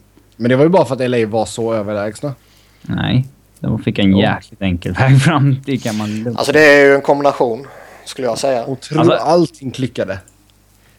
De, de, de, de, en match jäkligt när jag var där. de, gick, de gick ju jättebra givetvis, men de fick ju en... Alltså, vägen var ju krattad för dem liksom. Det kan man ju inte Men. Carolina, Carolina 2006 var sämst helt enkelt. Ja, det är klart. Och Tampa med Tor- Tortorella kanske. Ja, men det känns ändå som att det är ett stort gap mellan ettan och tvåan. Vi vill inte säga några ord om Devils 2000. Nej. Jag har eh, aktivt eh, vägrat nämna Devils i det här sammanhanget. För de är, Okej. de är så tråkiga och de var så tråkiga och de var så äckliga och de är så äckliga. Okej, nästa lyssnarfråga. Tror ni verkligen att firma Line Puljujärvi går så högt i draften som det påstås? Är de inte överhypade? Eh, ja, Blir det Finlandshat i podden nu? ja, det tycker vi om i och för sig. Men att de skulle vara överhypade förstår jag faktiskt inte. För det de gjorde i JVM till exempel var ju i princip historiskt bra. Mm, två år yngre än alla andra och dominerade som... Ja, vi har inte har sett i Ja, VM under var väl de senaste tio åren. Något eller några enstaka poäng från att vara bäst genom tiderna och sådär liksom. Mm. Eh, Så att de skulle vara överhypade, det, det snacket håller jag ju inte alls med om. Och jag tror väl definitivt att de kommer... eh, eh, Båda går väl topp fem? Absolut. Går de tvåa, trea? ja, jag ska, alltså det är ju inte på något sätt omöjligt att... Uh, Aston Matthews är ju självskriven liksom, såklart. Men det är ju inte på något sätt omöjligt att de går tvåa, trea. Nej. Jag skulle väl säga, säga till och med att det är rätt logiskt om de gör det. Där vill man ju nästan att något lag ska göra en Vancouver. Plocka båda två ja. Mm. Mm. Så de är inte tvillingar bara så du vet. nej, nej. Det, det vet jag. Men just att man, man är så sugna på två spelare så att man tar dem back-back där. Jag vet fan det Ja. går att göra idag. Det vet jag inte. Ger du upp tio första rundsval så... Men alltså det är Buffalo och Toronto som ligger där och ska man göra en sån grej så känns det ju som att du ska ha något av valen själva ju. Ja, du måste ha något av valen själv, så måste du ha ett annat första val som kanske är mellan 10-15 som du kan trada upp med. Ja, eller offra något jävligt bra i övrigt. Mm. Nu kan ju inte Yes. Toronto offra något bra förutom Nylander typ och det gör de väl kanske inte. Nej. Ha, om Chicago skulle gå och vinna Stanley Cup i år igen, hur högt skulle ni ranka deras dynasti i så fall? Bland det bättre eller sämre? Alltså det är så svårt. Eh, Alltså, det, är en hel, det är en helt annan era. Alltså, Men, man, alltså, man är är, ju ingen dynasti på det klassiska sättet där du vinner tre år i rad liksom. Nej. Eh, men någon form av modern dynasti är man ju, det har jag sagt tidigare och det tycker jag. Ja. Men det, är ju, det har vi ju sagt om både dem och LA. Ja, du har sagt det om LA. Ja, Du har också sagt det om LA. Det har jag inget minne av. Nej, eller jag en för lite. Två räcker inte. Det... Kanske man vann två i rad, men gjorde man inte. Mm. Men Chicago är ju någon form av modern dynasti och det man har gjort under eh, lönetaxeran och lite mer målsnåla eran och så vidare. Det är givetvis jätterespektabelt och man någonstans tycker jag ändå att man förtjänar nämnas i det sammanhanget när man pratar klassisk dynasti också. Men liksom som Edmonton gjorde när de vann där på 80-talet, sex år i, eller var det sju år i rad? Sju år i rad till och med. Eller Islanders när de var fyra år i rad och liksom bröt Montreals dominans och så vidare. Montreal har ju ett gäng dynastier själva med liksom superklassiska spelare i sitt lag. Mm. Eh, å ena sidan tycker jag, ja alltså det är svårt för Alltså vinna sju år i rad som Edmonton gjorde. Det, Det är ju inget lag som förtjänar att nämnas i det sammanhanget ens liksom. Nej. Fan vad tråkigt om de hade haft ett sånt klimat idag. Ja. Och sen kan man ju gå tillbaka till liksom det här... eh, Islanders innan dess och skit. Alltså så, om vi hade de perioderna hela tiden. Fy fan Ja. det hade varit. Men där, någonstans där så blir det ju ändå... Alltså gå tillbaka när det bara fanns sex lag i ligan. En dynasti då, det är ju inte samma grej liksom. Mm. Men en dynasti på 70 och 80-talet framåt, det blir ändå mer inom situationstecken Ja, på men sen det är ju svårt att sitta och säga det i nutid också. Jag menar låt det gå 30 år liksom. Ja. Men då Eller spelar vi nog inte in en 20. podd. Nej, det är högst tveksamt. Ja, eh, vidare då. Eh, ska vi se. Det lär ju bli någon slags John Scott-historia nästa år angående Allstars också. Vem får äran tror vi?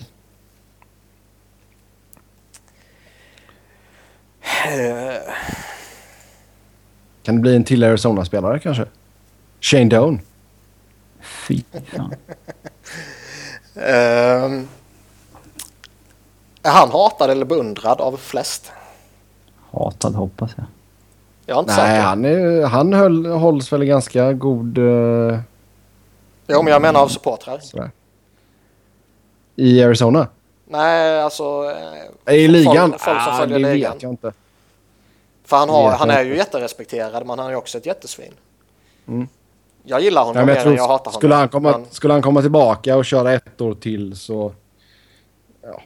Det är väl mycket möjligt att han kan bli nästa års John Scott-historia, även fast han inte är lika dålig hela, som hela, grejen, för att- alltså, hela grejen med liksom, den här saken är ju att man ska rösta in något skit och förlöjliga hela grejen. Det gör Alltså, man ju inte det- när man röstar in Down. du, Nej. du kan ju inte jämföra Shane Doan med John Scott. Det är ändå att ta i. Eh, det är inte liksom sopan som får vara med och leka. Killen Nej, närmar sig okej. tusen poäng. vilken, vilken, AHL-spelare ska röstas in?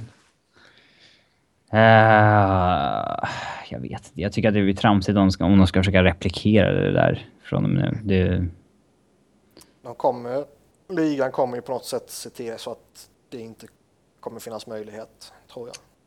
De kommer ta ut en shortlist, helt enkelt. Ja, Yes. Ha, vi släpper den helt enkelt då. Sen är det någon som vill att vi ska snacka om Radko Gudas fulspel den senaste tiden och hans eh, förmåga att inte åka på någonting. ja, det är lite märkligt faktiskt. Uh, han har ju haft nu uh, fem situationer tror jag.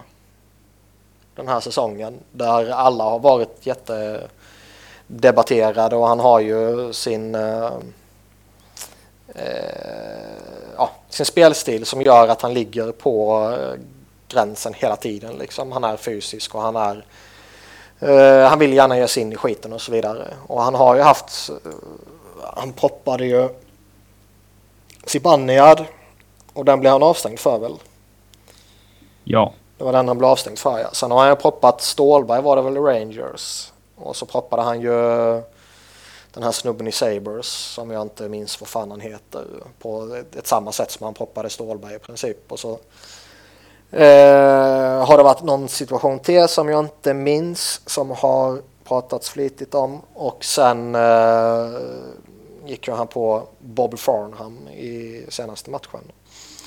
Nu ska det ju tilläggas, och det här tror jag att 99% av alla som följer NHL håller med mig om, att gå på Bobby Farnham är ju okej. Det får man göra. Det får man göra och det är helt okej. Ja. Däremot, Han och Tom Wilson. ja det är liksom, då, då frikänns du på automatik om du gör något mot dem. Men eh, den situationen med Bobby Farnham tycker jag är konstig. Jag tycker ju liksom att han har gjort för mycket skit för att han ska kunna slippa undan från allting. Och jag tycker att eh, Eh, han kom in så pass sent och det är liksom helt omotiverat och framförallt är det extremt jävla genomkorkat av honom att gå på Bobby Farnham på det här sättet. Däremot så är det ju väldigt många som pratar om att eh, ja, han sätter honom i bröstet liksom. Att det inte är någonting mot huvudet. Och att det då ska räcka med som man fick här, eh, liksom utslängd från matchen.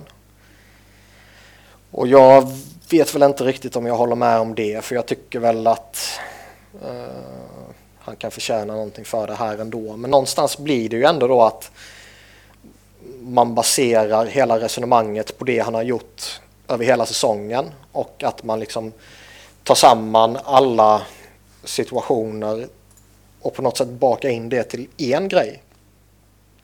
Vilket givetvis man kanske inte ska göra. Nej. Mm. Så jag vet inte, jag har svårt att... oh, nu satte jag något i halsen. Okay. Då kan du muta din mick lite snabbt. Jag vet inte om ni hörs då. ah, Okej, okay, nej. Då får du luta dig bort då. Väl. Det borde vi göra, men skitsamma. Uh, nej, som sagt, han har kommit undan med lite grejer, men uh, förr eller senare så kommer någon... Uh, tålamodet kommer ta slut och han kommer åka på rejält med däng. Det, det vet inte fan han Nej, det vet fan. Han kan ju försvara sig och han kan stå upp för sig på det sättet ju. Och jag tror inte vem som helst kommer gå på honom liksom. Tom Nej. Wilson. Vad sa du? Tom Wilson. ja, han är ju dum i huvudet så vet man ju inte. Men han kommer ju inte hoppa på honom för att fighta. Han kommer ju plocka honom. Eh, liksom tackla in honom bakifrån i, i sargen eller sådär. Mm. Men liksom, Slowfoot. Mm, men det, det som jag tycker är lite märkligt är ju uppenbarligen så tycker ju ligan att det han gör är OK. Eh, när han går på Stålberg och den här Sabres-snubben eh, liksom, där han går in som tredje man och eh, man kan ju få rätt tunga argument för att han går in på huvudet liksom. Eh, i, mot en eh, ja, framåtlutad spelare liksom. Sebanias var ju där siktade han väl på huvudet liksom.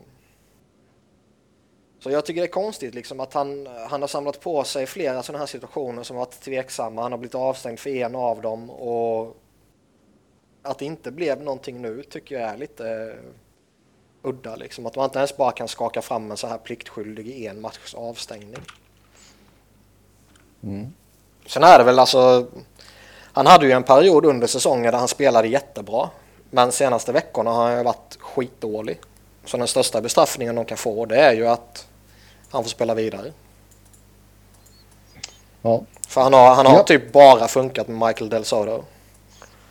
Och nu kom det precis snack om att Del Soto förmodligen är borta säsongen ut. Mm. Eh, såg precis att Drager snackade om att Toronto och Riley har börjat snacka kontrakt. Oj, oj, oj. Ska vi plocka upp den faktiskt? Hur mycket skulle ni ge Morgan Riley i ett nytt kontrakt? Eh, ja, vad ska han ha? Han ska väl ha mer än Gardner i alla fall. Gardner ligger på just över 4 miljoner. Ja. Sen beror det väl på lite vad man signar honom på. Mm.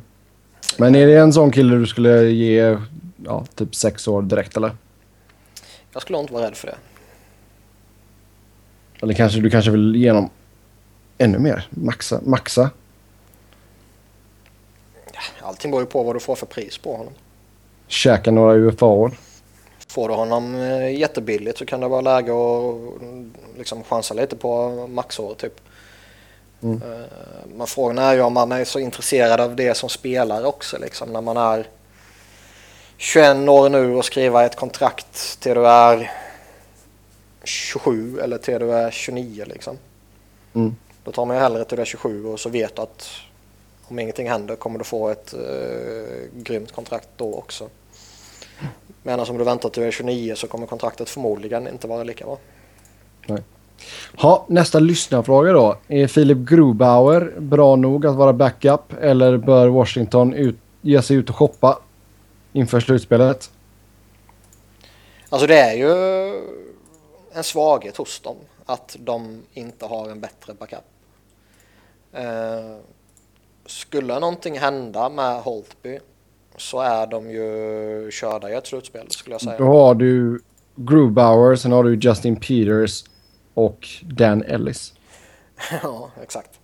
Um, alltså går han sönder nu så Holtby då, så tror jag väl ändå att Washington inte kommer ha några problem att ta sig till slutspel. Eh, och då kanske man hinner göra någonting innan trade deadline om det skulle ske något så sätt liksom. Men snackar man någonting skulle hända i slutspelet, han försvinner och sådana grejer, då är de ju rätt illa ute tycker jag. Sen är ju frågan då, liksom, jag kan ju också tycka att det kanske finns viktigare saker att prioritera. Mm. Eh, jag skulle ju hellre om jag liksom om jag tvingas välja, vilket man kanske måste göra då i lönetaksvärld, så skulle jag ju hellre gå efter en back till och hellre en forward till. Mm. Innan jag liksom tittar på ett, ett problem som kanske inte ens kommer vara ett problem. Ja. Han har ändå så helt okej okay siffror uh, denna säsongen, herr Grobauer. Uh, 92,5 i räddningsprocent, 2,13 i goal against average. Ja, så spelar han i ligans bästa lag. Mm. Mm, nej, så jag, jag, jag, tycker det är ett svaghetstecken, men uh, som sagt det finns väl andra grejer som jag hellre skulle uh, titta på innan jag tittar på att liksom stärka upp uh, andra målvakten. Mm. Ja, det beror lite på alltså, vem man, alltså, vilket namn tror du skulle passa Washington till exempel? Ja, det gänget vi pratade om när vi pratade San Jose kan väl kopplas in på eh, mm. här också liksom med Toronto-duon och så vidare. Men de kostar ju en hel del och eh, Caps har ju inte extremt mycket plats under lönetaket heller. Nej. Ha, sista frågan här då. Har Jack Eichel motsvarat de förväntningar som ställts på honom? Är det en besvikelse att han ligger så långt efter Panarin i rookie-ligan? Eh, Panarin leder ju 54 poäng på 58 matcher. Eichel ligger tvåa med 39 poäng på 58 matcher. 17 mål och 22 assist har det blivit för honom. Alltså jag tycker väl inte man kan... Det är som vi pratade tidigare. Panarin känns ju ändå på något sätt som att han är lite i eh, vad ska man säga? Alltså man går ju inte att jämföra Eichel och Panarin på det viset. Nej, mm. alltså han är ju flera år framme och liksom på något sätt i en annan bedömningsnivå på något sätt. Så mm. att måla upp Eichel som en besvikelse jämfört med Panarin, det tycker jag är fel. Eh, däremot kan man väl eh, kalla Jack Eichel en besvikelse sett till förhandsförväntningar både på honom och Buffalo och så här. Och föra några vettiga argument för det. Mm. Jag vet inte om jag själv har... skulle göra det, men jag skulle ha förståelse för folk som gör det. Vet, han har gjort 39 poäng. Det är inte... Han har högst points per 60 i laget. Det, um, ja, jag har svårt att säga att han har varit någon form av besvikelse. Mm. Ja, nej, som sagt, det tycker nog inte jag heller. Men jag kan förstå dem som kanske vill prata om det. Om man då pratar till eventuella förväntningar och, och den biten. Och jag tycker liksom, jag har pratat om det tidigare, det var för några veckor sedan, Buffalo, de har väl varit snäppet sämre än vad man trodde egentligen. Mm. Och det kan väl gå hand i hand på något sätt kanske. Okej. Okay. Vi har faktiskt en fråga till. Uh, och det är angående Boone Jenner. Och um,